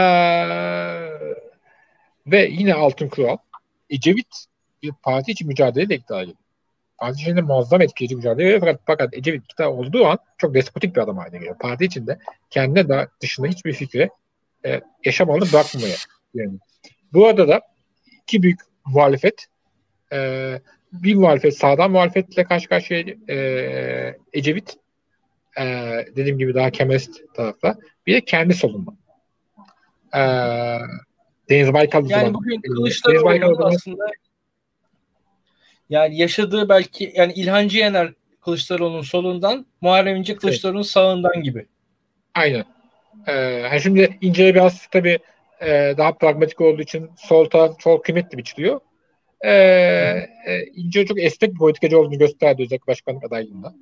Mesela o zaman kimse beklemiyordu bu kadar Kürt meselesinde bu kadar e, cesur olacağını. Ama şimdi e, tabii İnce'ye biraz daha şey biçildi. Daha sol bir zaman biçildi. Fakat tabii İnce'nin CHP'yi te- temsil ettiği şey Kılıçdaroğlu'nun sağ. Bu insanlar bunu anlamlandırmada belki sıkıntı çekerler ama dediğim gibi tabii bugün, bugün sol sağ vesaire 70'de aynısı olmadığı için e, e, hani şey diyelim çünkü şey diyelim mesela Turan Feyzoğlu da sağda ama Turan Feyzoğlu Demokrat Parti sert, daha sert tutumu görüyor Ecevit aslında. Tabii. Hani, yani şöyle... Turan Feyzoğlu solundadı Ecevit'in. O, o da doğru. Ee, bence şu da şunu da söylemek lazım aslında. Yani bu Güven Partisi'ne geçmiş kadrolarda özellikle izleyicilerimiz e, soyadlarını biraz hani bir araştırsınlar mesela. Hani Paksüt. Evet. E, aynen. Yani orada bir gelenek, oyga, oygaş gelenek. Evet evet ya o, o çok enteresandır yani oradaki o soyadları falan bu Güven Partisi içerisinde çok e, ilginç yerlere insanları götürebilir diye düşünüyorum ben. E, Feyzioğlu zaten e, konuştuk. Paksüt'ü konuştuk. Sazak var, Sazak var işte. İşte tabii ya Öztrak var falan ya e, esas evet. var yani orada or, arandığı zaman çok ilginç isimler bulunabilir. E, ve burada şu var e, tabii bunun e, başarısı da e, iki aşamada oluyor. Mesela bu parti daha uzun süre mesela bir şekilde ayakta kalıyor. Bak bunu da söylemek lazım yani. Bu parti daha uzun süre ayakta kalabildi. Diğer e, partiye göre mesela bence. Daha düşük oy alıyor olmasına rağmen. Çünkü bir e, şu var. Mesela devlet e, Türkiye'deki yani tırnak içinde devlette daha ciddi karşılığı vardı. Ve e, Cumhuriyet Halk Partisi'nin e, hani 1960-80 arası aldığı konuma karşı e, devletteki tepki en azından Cumhuriyet Halk Partisi'nin e, dönüşümüne karşı devlette olan, oluşan tepkinin karşılığıydı ve e, bu dinamik e, ayakta tuttu diye düşünüyorum ben. Hatta şöyle söylemek lazım. E, Muhtıra gibi e, kontenjan sektörünün olduğu anlatabiliyor bir şekilde hani o e, yarı vesayetçi yapıların olduğu ortam aslında bu Cumhuriyetçi Güven Partisi'nin ayakta kalabilmesini sağladı diye düşünüyorum ki e, bu Feyzoğlu'ndan bahsettik. Feyzoğlu neticede e, Türkiye'de demokratik bir e, tepkinin sonucunda e, bir şekilde Menderes'e karşı e, ünlenmiş siyasal olarak yükselmiş birisi. Hani o e, dekanlığı evet. zamanında e, onu evet, hatta doğru. Feyzoğlu meşhur e, nabza göre şerbet vermeyiniz diye başbakanın söylediği mülkiye dekanı olarak sonra görevde alınmasını getiren o dönemin ikonik akademinin siyasi iktidara tavrını sembol yani şu an Feyzoğlu e, çok çok böyle ne diyelim prestijli bir tavırdan ilk gücünü alıyor. Ama sonra geldiği nokta çok farklı oldu. Ya hatta bunu Niyatayım belki için, niyat, niyat, niyatayım, niyatayım içine geçerli bu. Kesinlikle öyle. Hatta yani e, bunu Cumhuriyet Halk Partisi'nin 1950'lerde yayınladığı e, bizim işte şeyle belki bir araya getirebileceğimiz e, 1960 e, at, Bu arada derken Güneş'i unuttuk. Turan Güneş'e hoş Güneş ama Turan Güneş'in de birçok insan bilmez. Turan Güneş aslında Demokrat Parti. Doğru. doğru. Hürriyet Partisi'ne geçmişti. Hürriyet Partisi içinden CHP'ye gelenlerdendi. Bugün mesela Turan Güneş'in hareket sola konuluyor. Öyle değil. Doğru. Doğru. Güneş o da bizim hemşehrimiz olduğu için çok daha detayını biliyoruz yani. yani aile, içi meseleye kadar dayandığı bunun. o da doğru. Hatta şimdi Kandıra'da olduğu için çok coğrafi olarak da yakın. Kandıra, Kandıra'dan bağlanıyorum zaten. Aynen öyle. çok sahadan bildiriyorsun bize bunları öyle söyleyeyim. Ya aslında şu var tabii e, devam edersek e, 1950'lerde Cumhuriyet Halk Partisi'nin e, klasik tek parti kafasından biraz sıyrıldığı e, bir an varsa en fazla ilk hedefler beyannamesi sayılabilir. Yani evet. bir şekilde daha Avrupalı e, bir, bir şeydir. Onun arkasında söyleyebiliriz orada bir akademisyen olarak kimliğiyle. Evet, evet. İlk, e, ilk hedefler beğenmiş. Büyük ölçüde İngiliz İşçi Partisi yani esinlenen genç kuşağın e, parti sosyal demokrat hale getirmesine daha yönelik ilk büyük e, ne diyelim aşaması. E, hatta böyle şey 27 Mayıs süreci olmasa aslında daha daha hızlı yürüyecekler. Yani 61 Anayasası'nın da temeli denebilir belki birçok açıdan. Aynen, aynen. Yani açıkçası. Ee, burada biraz biraz e, yakın tarih dersi vermiş gibi olduk. İyi iyi de oldu. Bu da aslında biraz şey hani e, tarih dersinden çok bir çerçeve olarak Türkiye'de basit olarak iki tane büyük gelenek var. Bir Hı. sağ ya da merkezin merkezin sağ ya da merkezin sola. Bunun dışında iki tarafta da doğal olarak bölünme eğilimi var. Neden? Çünkü sağ ve sol çok kaba, kapsayıcı aslında ama herkesi içermeyen çok geniş e, hatlar. Bu içinde e, bir tarafta sosyalist, sosyalizme kadar giden bir taraf, öbür tarafta da daha radikal sağa giden e, unsurlar. Bunun aynı aynı tek parti içinde, aynı pota içinde bağırması eşyan tabii de aykırı. Fakat buna rağmen niye aslında bir büyük, büyük, büyük dominant parti özellikle sağda oluyor? Çünkü Bir yerden sonra siyaset ikbal değil. Siyaset hayatta kalmaktır. Siyaset paradır. Siyaset insan ilişkileridir. O yüzden de bir yandan da ilkesi olarak her zaman bölüme eğilimli olan taraf öbür taraftan da e, maddi gerçekler birleşmeye, tek olmaya götüren süreç. AK Parti'nin başarısı işte bir tarafı ilkesel bazda birçok itirazı şu ana kadar yuttu. İlk kez ve çok gecikmeli olarak işte Deva ve Gelecek buna tekabül etti. Ayrıca Has Parti'nin AK Parti'ye katılması süreci. Neden? Çünkü aslında AK Parti'de daha çok para vardı. Çünkü AK Parti hem iktidardı hem de sağdı. Her zaman Türkiye'de sağ partiler daha çok ne diyelim maddiyatla ilişkisi olan partilerdi. Ee, teşkilatlarda, taşlara dayandığı maddi bağlardan başladı. Ee, solda paradan çok fikirler daha önemli olacak. Sol daha bölüme yatkındı. Ama solda da her solcunun gidip geleceği yer Cumhuriyet Halk Partisi'dir. Bu da bir gerçek. Hı hı. Ya hatta şöyle de bir durum var. Ee, yani bir büyük parti içerisinde sizin yükselmeniz de kolay değildir. Küçük bir parti içerisinde yükselip hani tırnak içinde titir sahibi olabilirsiniz. Mesela evet, il başkanı şey olursunuz. Bir Anadolu, Anadolu takımından yıldızlaşıp tekrar e, e, kiralık gittiğiniz Anadolu takımdan büyük takıma geri dönmek. Mesela yani şu an AK Parti içerisinde Has Partili e, olup önemli noktalara gelmiş insanlar var. Bunlar evet, aslında AK Parti Efendim? Süleyman Soylu ile Abdülhamit Gül deyince yeterince açıklayıcı oluyor yani. Tabii ya şimdi bir AK, Parti, Parti. AK Parti içerisinde yükselmeye çalışsalardı bu, bu kadar rahat yükselebilirler miydi? Ben e, şüpheyle bakıyorum. Ama kendileri bir, bir nispeten daha küçük partilerde en üst zamanda Trabzon'da da değil, Rize'de değil. Antepli evet. olarak. Gerçi evet, Abdülhamit Gül de birinin damadı yani onu da söylemek lazım şimdi. O tarafı da var. Şey. o da hani çok da networkler dışı bir bağımsız figür olarak evet. da koymamak lazım. Ee, tabii aslında Süleyman Soy da birinin torunu, birinin oğlu ama o da e, e, bence o kadar da önemli değil diye düşünüyorum. Yani o e, nispeten daha küçük bir siyasal figürün. E, ee, yani e, şey ama diyorum aslında. Önemli yani. Cumhuriyetçi Güven Partisi. Güven Partisi'nin yaşayamaması. Hani bugün de deniyor ya mesela daha önce şey hatırlıyorum. CHP içinden ayrılan en ne diyelim en ilkesel bazda ayrılan e, Emin Ülker Tarhan Emin Ülker Tarhan için o dönemde CHP kendi gerçekliğinden, kendi ilkelerinden kopmuştu. O halde onu CHP'nin doğal haline geri kazandırdığımızda yani Kemalist e, niteliğini geri kazandığında halk arkasından gelecekti. Çünkü çünkü bak taban taban Atatürkçü Kemalist kaygıları güçlü. Ama öyle olmadı o parti yüzde yarım bile, o bile alamayacak bir haldeydi. Bu o partiye ilgili ya da Emin Ülker Tahan'la ilgili sorun neydi? Küçük partiler, tabii 90'larda çok fazla küçük parti vardı tabii. Şimdi insanlar unuttular. İşte Hasan, e, Hasan Ciğer Güzel'in partisi, sonra Cem Uzun'un aslında satın aldığı, ismi Genç Parti yaptığı parti. Şey, Aydın hmm, Menderes'in Korkut, partisi. Evet var zaten. Korkut Özal'ın. E, Aydın Menderes'in. Aydın Menderes'in vesaire. E, bunun hepsi Bedrettin Dalan'ın hatta yani böyle evet, e, seçimlere de girdiler. Yüzde yarımı hiçbiri geçemedi. E, e, Demokratik Türkiye Partisi yüzde yarım aldı. E, yani e, ve bunlar bunların kurucuları hepsi mühim insanlardı. Hepsi mühim. Bir zaman ana, ANAP'ta ya DYP'de çok önemli rol oynamış ve kendini hala o şekilde gören insanlar bir şekilde parti ayrıldıklarında arkasından insanlar geleceğini bekledi. Arkadan insanlar gelmedi. Arkadan insanlar niye gelmediler? Arkadan insanlar öyle ya da böyle tabelayı görüyorlar. Tabela CHP yazıyor. Tabela MHP yazıyor. Tabela Adalet Partisi, ta, tabela DYP yazıyor. Bunlar yetiyor. Tabelanın şimdi, e, iki türlü bir yandan da. Şimdi siyaset bir, bir partiyi destekliyorsunuz. Tamam. Ama bir partiyi desteklemeniz o partiyi desteklemenizden ibaret değil.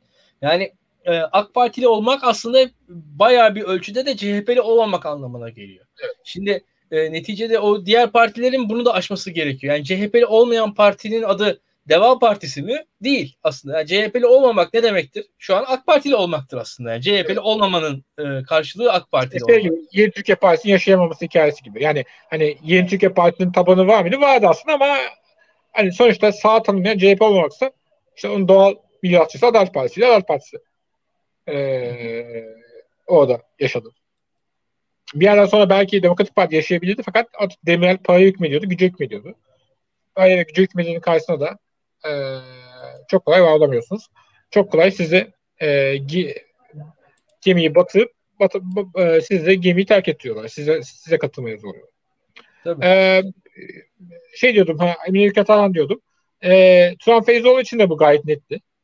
Ecevit onun için çok yabancıydı yani. Hani bugün deniyor Ecevit artık CHP kendi geçmişine uzak. CHP bugün sosyalist, işte Kürtçü, Kürtçüden oyuncağı bir parti falan diyorlar.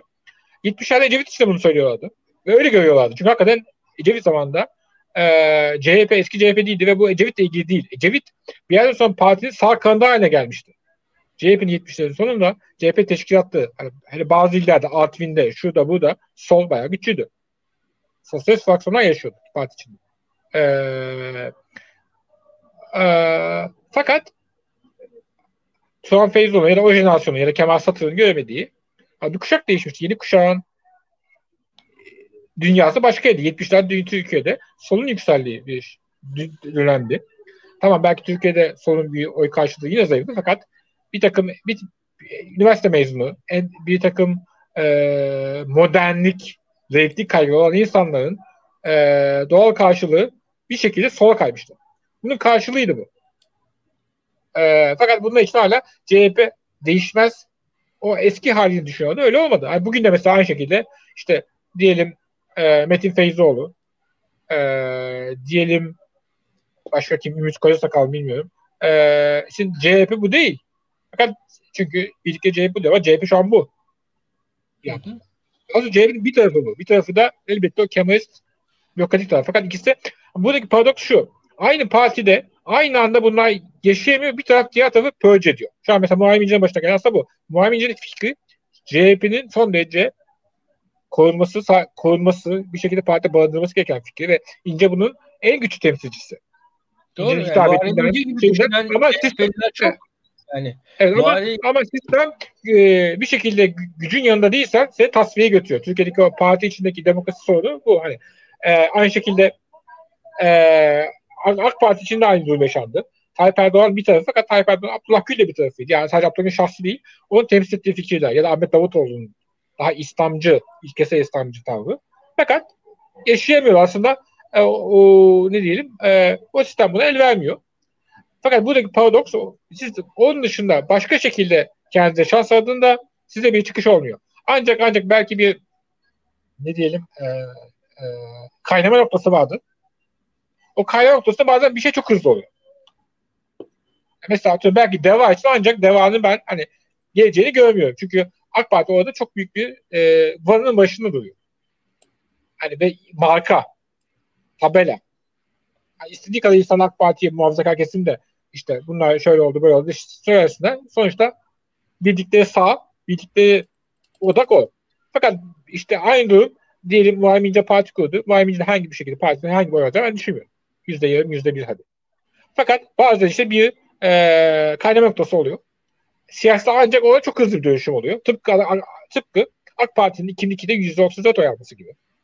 E, tıpkı e, ne diyelim ANAP'ın tabii çok olağanüstü halde %45 oy alması gibi.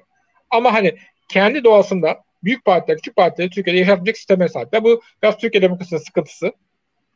Ama dünyada da bunlar benzer durumlar yaşanıyor. Dünyada da Labour 1980'de sola kaydığında, çok sola kaydığında Labour'da ayrılan bir grup. Sosyal Demokrat Parti kurdular. Yine e, çok güçlü bir önderliği vardı. E, ikisi çok iyi oy aldılar. Zaten o zaman Liberal Parti birleşikliği için adı Liberal Demokrat Parti oldu o zaman.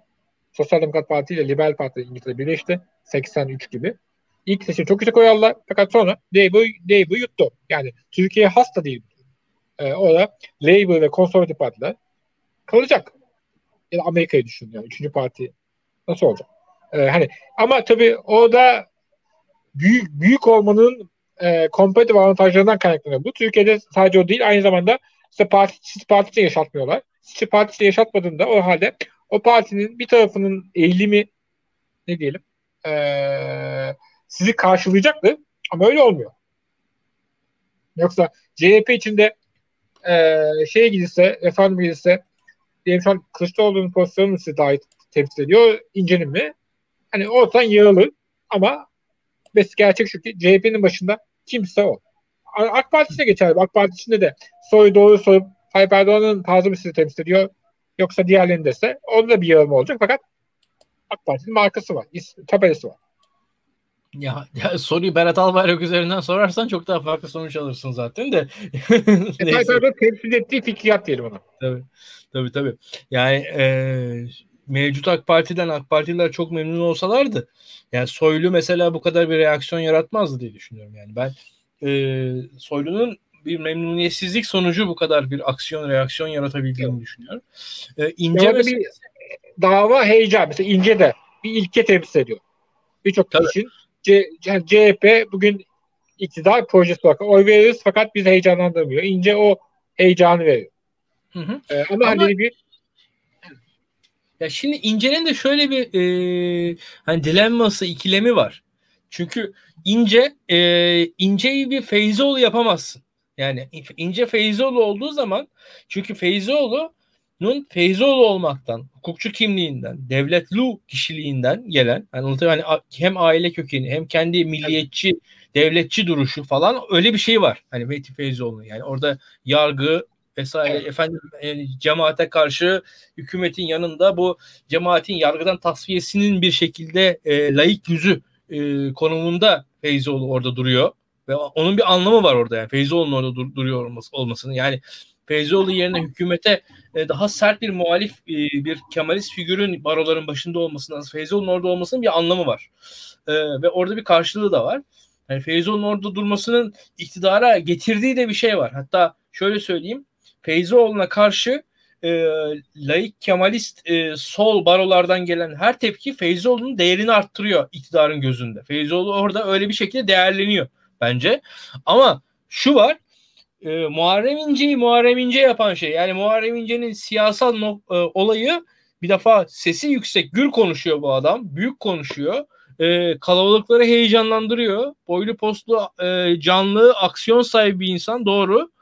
Ya ama yani mesela Muharrem İnce uzlaşmacı bir lider olsun diye seçilmez yani açıkçası. Veyahut da Muharrem İnce gitsin Tayyip Erdoğan'la hani al ver pazarlığına gelsin. İşte Milli Eğitim Bakanı Muharrem İnce olsun e, ve büyük uzlaşma Türkiye iktidarı hani Türkiye hükümeti kurulsun. Hani laiklerden CHP'ler de gelsin yani e, düşünelim.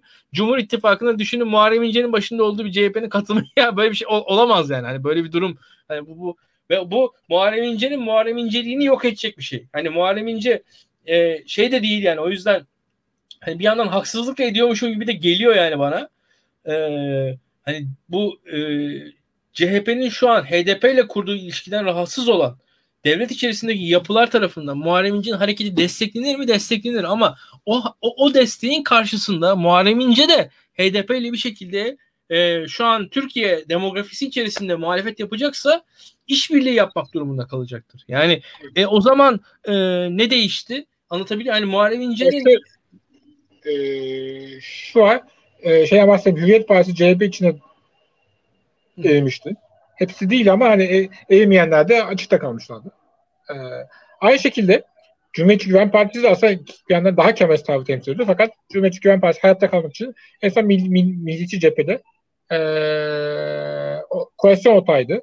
Feyzoğlu da, e, Dede Feyzoğlu da e, başbakan yardımcısıydı. Aslında çok paradoksal bir şey. Burada dediğim ki şu an Feyzoğlu'nun kemalistliğini kimse sorgulayamaz oranda.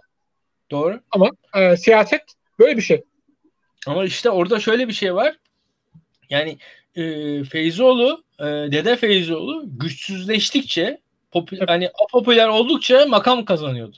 Hatta evet. ya Feyzoğlu'nun hayatında e, gelip geleceği en büyük makam biliyorsun 12 Eylül'ün potansiyel evet. başbakanı.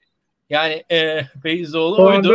hatta Turgut Özal kendi ikna ettiğini e, söyle, söylüyor zaman hani efendim her şey iyi güzel de hani e, ya, siyaseten hiç karşılığı olmayan bir adam koymak siyaseten de en yanlış tabii.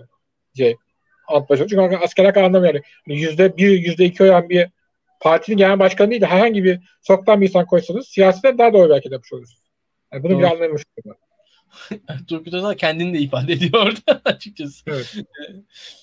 aslında doğru. Yani doğru. Feyzoğlu hani Feyzoğlu'nun e, yükselebildiği e, habitat 60-80 arasının e, askerin bir şekilde etkinliğinin hep devam ettiği yani bir şekilde hani darbenin darbe hani muhtıranın şunun bunun e, kapı arasında en azından olduğu e, bir ortamda var olabiliyor ama yani şu anki Hı. Türkiye'de e, hani öyle bir rol bile hani anlatabiliyor muyum? Mesela hani bu yani baro başkanı olmasa Feyzioğlu Torun Feyzioğlu değersiz yani siyaseten. Hiçbir şekilde evet. konuşmayız biz yani. Hani düşünelim. Yani şu an Türkiye'de AK Parti'yi destekleyen e, laik e, geçmişi olan e, bir hukukçu.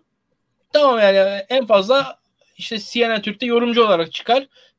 E, anlatabiliyor. O kadar bizi ilgilendirir. Evet. E, bunun karşılığı siyasetçi olarak bir yerde olabilir mi? Yani şunu düşünüyorum ben. E, kapatalım gözümüzü. Bir Kemalist laik parti ortaya çıktığını düşünelim ve o Kemalist laik partinin e, Cumhur İttifakı'na girdiğini düşünelim. Resmen hani o pusulada yer aldığını diyelim. Hani hakikaten hani mesela bir Muharrem İnce Partisi'ni oraya koyduğunuzu düşünelim. Hani o pusulanın üzerine Halk Partisi'ni oraya hani mesela koydunuz oraya. Şimdi bunun olabileceğini ben e, hayal edemiyorum. Yani böyle bir imkan olsa hani mesela 70'lerde olan bu imkan yani 70'lerde siz yani Demirel koalisyon hükümetine Feyzioğlu'nu alıyordu ve o ona bir hem alan açıyordu hem de Feyzoğlu oraya girebiliyordu yani bir şekilde. Ya ama ya bugün e, bu olabilir mi? Bana zor geliyor. Hatta şöyle söyleyeyim yani atıyorum Muharrem İnce'nin bir e, parçası olduğu öyle bir ittifak e, o ittifakın kendi içerisinde rahatsızlık yaratır yani öyle bir şey. Hani bu, onu hayal bile edemiyorum ben. Şu an düşünüyorum. Hatta hani diyelim yani e, yani Metin Feyzoğlu'nun, Torun Feyzoğlu'nun bir partisi var. Yerli milli bir parti.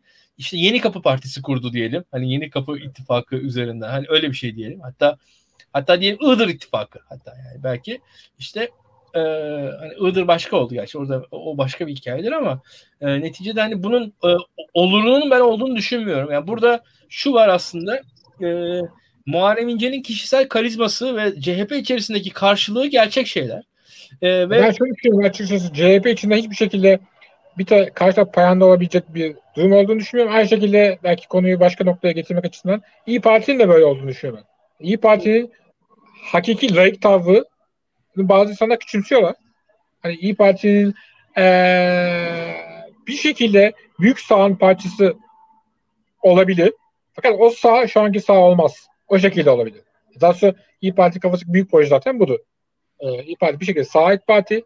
Fakat hani İyi, İyi Parti'nin şu anki AK Parti'nin e, van elinde tuttuğu diyeyim e, sağdan ayrışmasının ciddi e, fikirsel ve sosyolojik karşılığı var. Hani o bulama, o yamama o kadar kolay bir şey değil. İnce'ninki hiç bana da olası gelmiyor.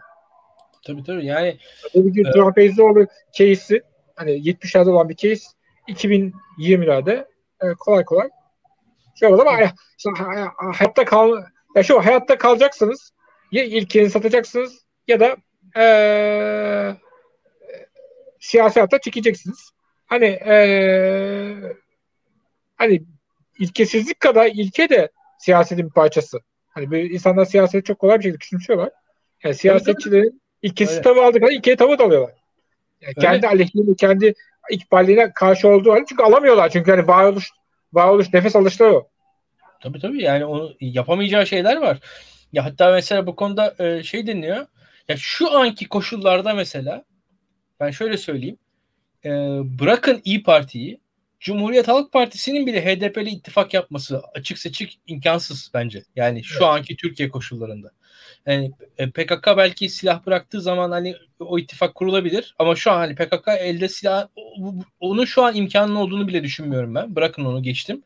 Ee, yani siyasette işbirlikleri olabiliyor ama onun işbirliğinin seviyesi olabiliyor diye görüyorum ben.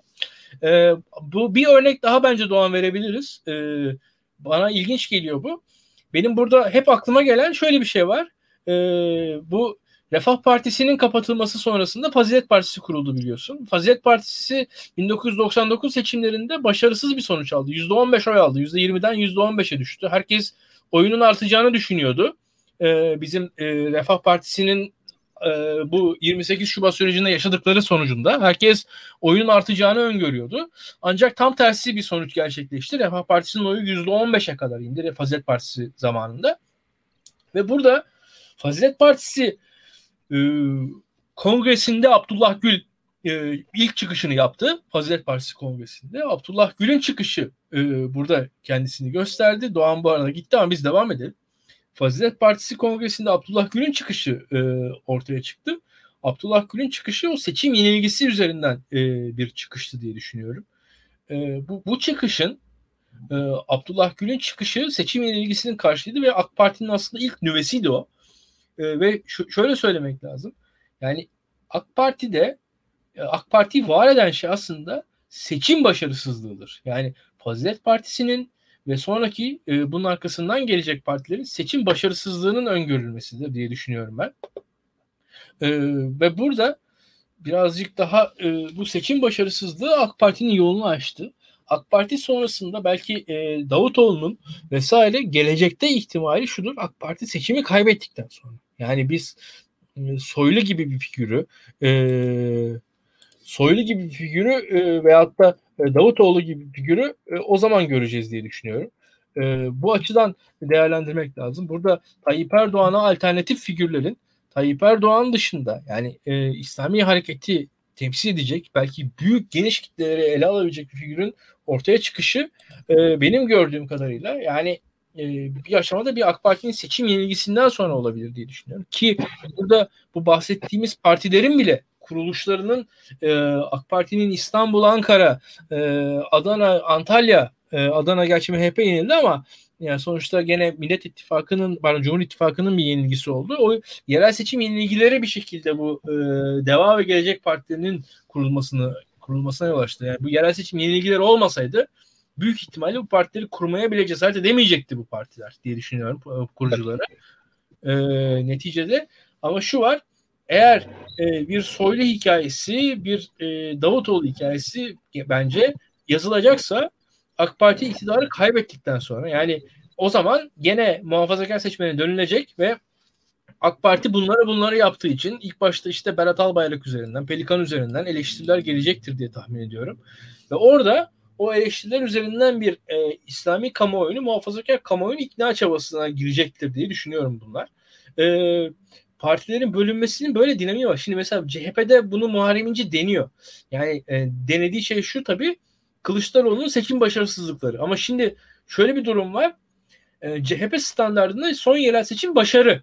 Yani başarı üzerine yani şimdi e, son yerel seçimde bir başarısızlık olsaydı Muharrem İnce'yi durdurabilme şansı yoktu bence e, Kemal Kılıçdaroğlu'nun. Hani ama son yerel seçim Cumhuriyet Halk Partisi standardı açısından benim gözümde başarıdır. Yani AK Parti'nin ve her ne kadar Cumhur İttifakı'nın oyu %50'lere bulmuşsa da Cumhuriyet Halk Partisi'nin kendi standartları açısından bir başarıdır diye düşünüyorum.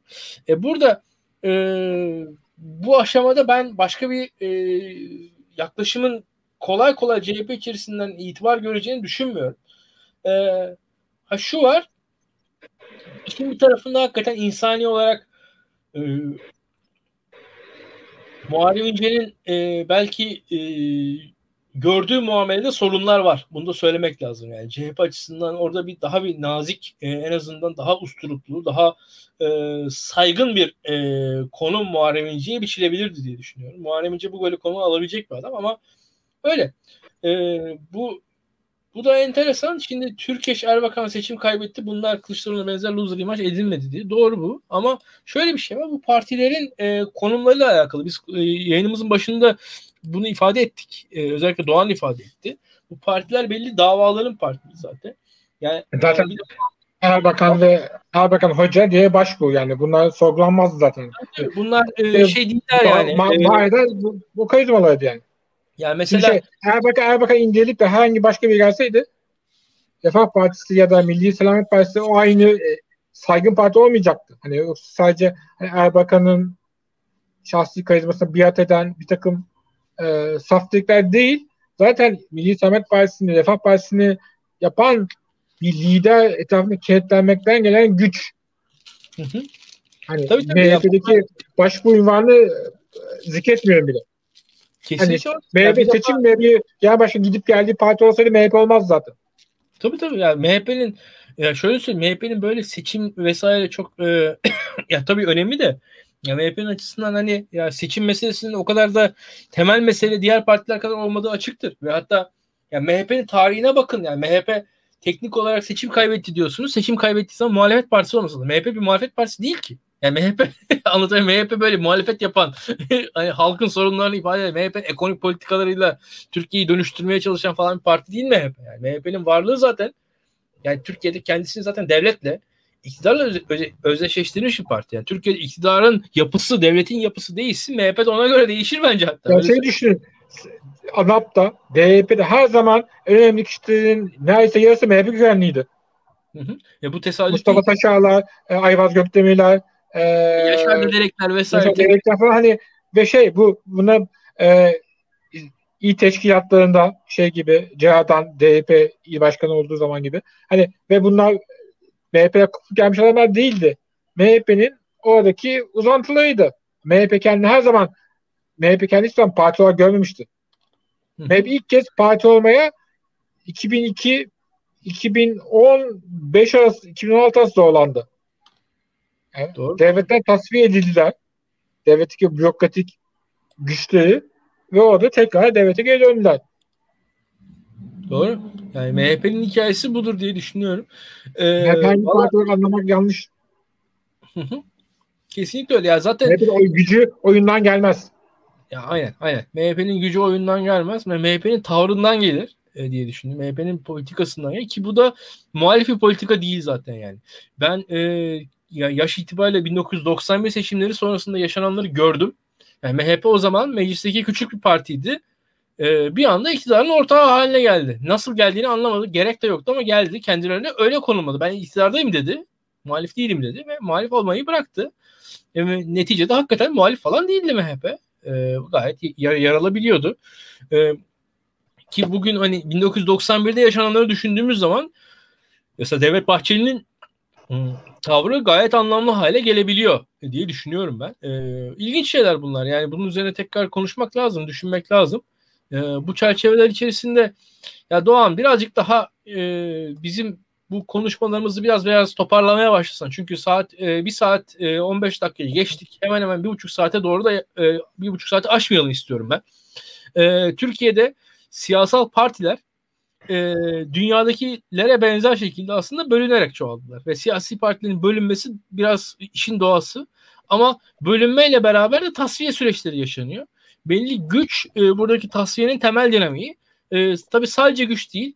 Zamanın ruhu, ideoloji de bu tasfiyeleri yaşata, yaşatabiliyor diye düşünüyorum ben. Yani burada e, bazen bir ideolojik e, şeye oturabiliyor. E, aksa oturabiliyor. O aks kurulabiliyor diye düşünüyorum. Mesela burada e, Büyük Birlik Partisi enteresan bir örnek olarak ortaya çıkartılabilir. E, partilerin bölünmesi ve güçsüz olmasına rağmen ayakta kalabilmesi açısından. Yani o küçük oyla da ayakta kalabiliyor bir parti. E, bu ilginç bir şey. E, bu da tabii yani ideolojik çerçevesini bir tarafa koymak gerekirse yani e, Büyük Birlik Partisi gibi bir parti e, en azından ayakta kaldı. Burada şunu söylemek lazım. Mesela bu e, Abdullah Gül Ali Babacan çizgisinin parti kurmasının bu kadar gecikmiş olmasını e, bu konuşmayla beraber daha iyi yorumlarsınız diye düşünüyorum ben. Özellikle 2000'lerin başından beri AK Parti yenecek e, yenme iddiasında kurulacak bir merkez sağ parti hikayesi vardı. Hadi hatırlayalım bunları da. O parti işte böyle önemli figürler, zenginler, e, iş adamları, e, eski siyasetçiler yan yana gelirlerdi. Böyle büyük e, Şampiyonlar Ligi kadroları oluşturulurdu. O Rıfat, kadro... Rıfat Sağcıklıoğlu bir tarafında olurdu hep. Efendim? Rıfat İsacık, İsacıklıoğlu hep bir tarafında olurdu. Tabii tabii aynen aynen. O mesela ama şu var işte o kadrolar e, parti kurup muhalefet yapacak insanlar değiller o insanlar. Evet. Anlatabiliyor O partiler zaten iktidarda olacak insanlar. O, o kadrolar iktidarda olacak insanlar. O, part, o, o kadrolar gidip muhalefet yaparak e, işte sokak sokak gezerek e, pazar pazar dolaşarak insanları ikna etmeye çalışacak insanlar değil. O partiler iktidar ilişkileri içerisinde yer almayı bilen, iktidarla temas kurabilen, yani işte hani iş takibi yapan, ama ihale kovalayan insanlar onlar yani. O insanlar Bunlar öyle tek, tek bir seçime girdiler, kazanmak üzere geldi. Özal'ın şu anda Özal 83'te Tabii. kazanmak için bir seçime girdi, kazandı ee, ve iktidar oldu. Ve Özal ölene kadar iktidardı. Özal bir tane evet. seçimi kazandı. Bir tane seçime girdi. Kazanmak için girdi ve hakikaten kazandı. Çünkü kazanmak için seçime girdiğin zaman %90 Hüsran olacaktı. İstatistik olarak böyledi. Özal'ın şansı bu oldu ama işte diyeyim Deva Partisi bir tane seçime girecek. Kazanmak için girecek. Kazanamadığında ne olacak? Başta, başta e, Frans verdim. 6. sonradaki yazıda bahsedildiği gibi. Doğru söylüyorsun. Mesela Davut, Davutoğlu'nun partisinde oranı görebiliyoruz. Davutoğlu e, kendi eza şahsı ısrar eder. Çünkü Davutoğlu iktidar için o da değil. İşte o bir dava, bir ilke, bir mücadele, aksiyon içinde. Hı hı. Hani, Davutoğlu yenildiğinde de mücadele edecek. Tabii tabii. Ya Davutoğlu'nun oradaki e, gözündeki ateşi görebiliyorum ben. Ya zaten siyasette o gözündeki ateşi arıyor insanlar da, siyasetçiler de arıyor. Halk da arıyor diye düşünüyorum. Bu iş kolay değil. Ee, bugün Muharrem İnce'nin gözündeki ateş var. Var. Öyle bir ihtiras var. O gözüküyor. Ama o ihtirasın ideolojik çerçevesi yeterli değil ne yazık ki. Ee, oradaki sıkıntı orada. Yani o açıdan e, bir e, belki Muharrem İnce kendi konumunu e, ve Cumhuriyet Halk Partisi'nin belki yerel seçimlerde gösteri, pardon, e, Cumhur, gelecek seçimlerde göstereceği adaylığı ve o çerçevedeki bir pazarlığın konusu olabilir bu yapılanlar ama e, burada hiçbir şey ortaya çık yani bir sonuç alacağını düşünmüyorum ben. Öyle söyleyeyim. Biraz zaman gösterecek ama ben pek bir şey beklemiyorum. Ee, bu, bugün ben açık söyleyeyim yani Cumhuriyet Halk Partisi'nin Kemal daha doğrusu daha ziyade Kemal Kılıçdaroğlu'nun kurduğu ittifak sistemi kolay bir şey değil. Yani bir arada tutulması zor bir şey. Ee, o ittifak sisteminin bir arada tutulması e, şundan dolayı da önemli. Yani ittifakı bozan da olmak istemiyor birçokları. Ee, onu sağladı şu an Kılıçdaroğlu. O yüzden de belli bir alan açıldı ona. Şimdi Muharrem İnce e, ve diğer faktörlerde hani şöyle bir durum var. E, iktidar ittifakı bozan olmak e, ve fiilen o da şey yaratıyor. Yani ittifakı bozan Muharrem İnce olursa fiili olarak AK Partililik yapmış oluyor. Şimdi yani anlatabiliyor muyum? Hani e, yani kalben belki AK Partili olmayabilir, fikren AK Partili olmayabilir ama fiilen AK Partili hareket etmiş oluyor. Şimdi e, bunun e, bunu bu, bunu yapamaz Muharrem İnce. Bu da onun elini kolunu ayağını bağlıyor. Yani hani e, bu açıdan hani Muharrem İnce'den Feyzoğlu'luk yapması da yani teknik olarak imkansız. Çünkü hani Feyzoğlu'nun bir siyasetçi değil Feyzoğlu. O, onu yapabiliyor. Orada çünkü Feyzoğlu Feyzoğlu'ndan e, hani sorumlu. Öyle söyleyeyim. Muharrem İnce öyle birisi değil. Öyle ya da böyle yani yüzde otuz oy almış bir e, bir insan. Muharrem İnce'nin gücü zaten ilkesel tavrı temsil ettiği için o ağırlığa var. Tabii tabii tabii. Onu da yani. diyelim ki yüzde üç olsun bizim olsun. Şu anki konjonktürde belki 1990'larda olabilecek bir konjonktürü belki. Ama bugün değil. Tabii tabii. Yani şöyle söyleyeyim ama bak bu şu anki konjonktürdeki ilkesel tavır e, ilkeleri ta, Kılıçdaroğlu farklı koydu ortaya. Yani ilkeleri iktidarı değiştirmek üzerinden koydu. Yani ilkeleri öyle yerleştirdi ilkeler sistematiği şu anda e, AK Parti iktidarını devirmek üzerine en doğru hareketleri yapma şeklinde. Mesela şöyle söyleyeyim mesela e, hani buna pragmatik de diyebilirsin. Mesela Mansur Yavaş'ın aday gösterilmesi 1990'lar CHP'sinde 90'lar SHP'sinde imkansız bir şeydi Ankara için. Mesela Melik Gökçe'nin karşısında ya Mansur Yavaş'ı gösterelim bu seçimi kazanalım e, 1999'da demezdi. Herhangi bir e, SHP'li. Veyahut da ya Mansur Yavaş gibi bir aday ya 2004'te 2009'da gösterilebilirdi aslında Kılıçdaroğlu öncesinde. Ama göstermedi o CHP. Anlatabiliyor o, o zaman çünkü e, farklı ilkeler e, ön plandaydı. Öyle söyleyeyim. Hatta ya birazcık o zaman yani yayının sonunda bir manşet vereyim ben. Şimdi Cemalettin Taşçı'nın e, yazısından aklıma geldi. Yani mesela yetmez ama evetçilere karşı çok ciddi tepki var değil mi mesela? Özellikle Kemalist kesimden hakikaten kızıyorlar. Yetmez ama evetçiler şöyle yaptı böyle yaptı.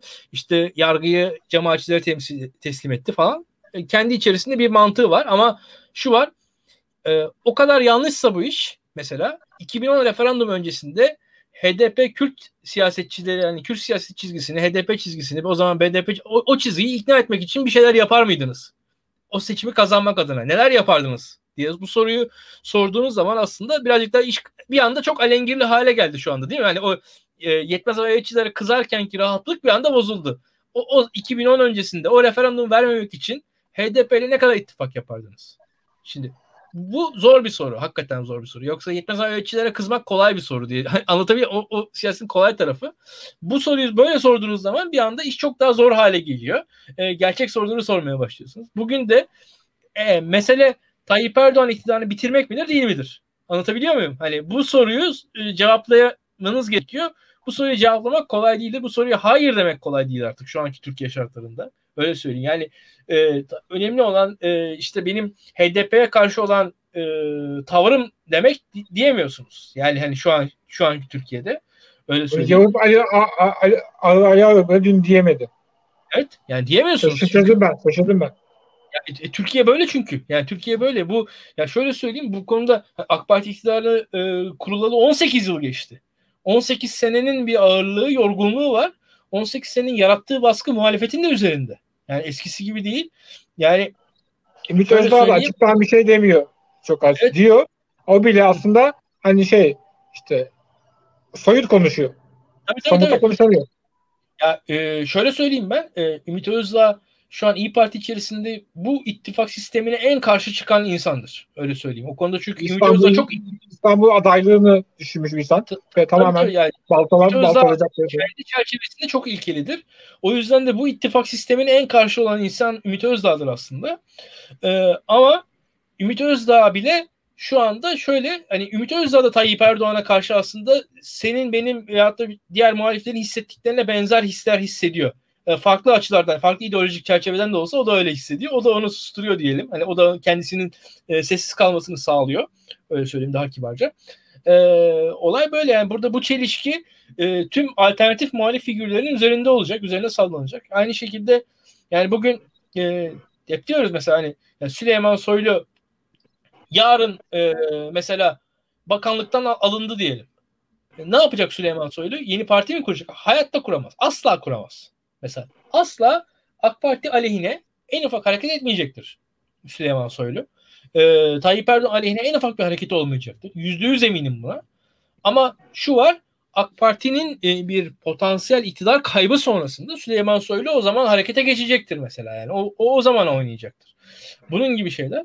E, o açıdan şu an siyaset e, bir şekilde e, bir collision course yani çarpışma e, aksını yörüngesine girdi iktidar e, gelecek seçimlere kadar da bir e, yani bu sistemin değişmesi, değiştirilmesi bence kolay değil diye düşünüyorum. Bakalım e, her ne kadar e, işte sağdan soldan sızmalar sızıntılar olsa da işler böyle gidiyor bence. Uzun konuştum. Senin diyeceğin bir şey yok mu? ee, yani aslında biraz bağlayıcı gibi gün, günümüze bağladık. Ben tekrar geçmişe dair defterleri açmama çok anlamlı olmaz diye düşündüm. Tamam o zaman e, arkadaşlar yayınımızı izlediğiniz için teşekkür ederiz. E, yayını beğenmeyi, altına yorum yazmayı unutmayın. Yorumları ben okuyacağım. Doğan okumaz. Ben Doğan'a iletirim. E, öyle söyleyeyim. E, yayınları paylaşın. Özellikle e, aile büyüklerinizle paylaşın bakalım. Bizim yorumlarımızı beğeniyorlar mı, beğenmiyorlar mı? Bunlar ne saçmalıyor diyebilirler. Yanlışlarımız, hatalarımız var mı? Onları sorabilirsiniz. E, bazı isimlerden bahsettik. O isimlere dair de sorularınız olabilir bekliyoruz. Öyle söyleyeyim. E, benim DM'm açık. Her türlü programlarımıza dair soruları alıyoruz sizden. Alacağız. Gelecek hafta Nabız programında Nezih Onur Kuru olacak. E, kadın hareketi üzerine e, belli istatistikler vermeyi e, düşünüyoruz. Feminizmin Türkiye'deki gelişmesi üzerine bazı istatistikler verebiliriz. Bu e, kadın cinayetleri... Hatta, hatta bu, bu program için önce bunu yapsak dedi İlkan. Sonra aman aman dedik. Hani şey gibi Hı-hı. konularda konuşacak erkek bir çağırdınız ya e, şöyle bir sıkıntı var. E, bu, bu konuları konuşacağımız kadınların önemli kısmı şu an eylemdelerdi. Bu geceyi eylemde sokaklarda geçirdiler. E, bir kısmı e, arkadaşları gözaltına alındığı için şu an polis peşinde e, koşturuyorlar. Hani öyle söyleyeyim. Hani o, o insanların peşindelerdi. Benim tanıdıklarım bu programa çağırabileceğim kadar samimi olduğum insanlar.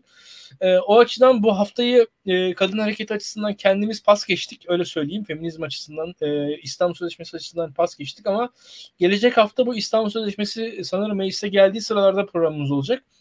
E, o zaman e, yine farklı konuklarımızla gene konuklu bir program olacak diye düşünüyorum. E, Nezih Onur Kuru ve ben karşınızdayız. E, karşınızda olacağız.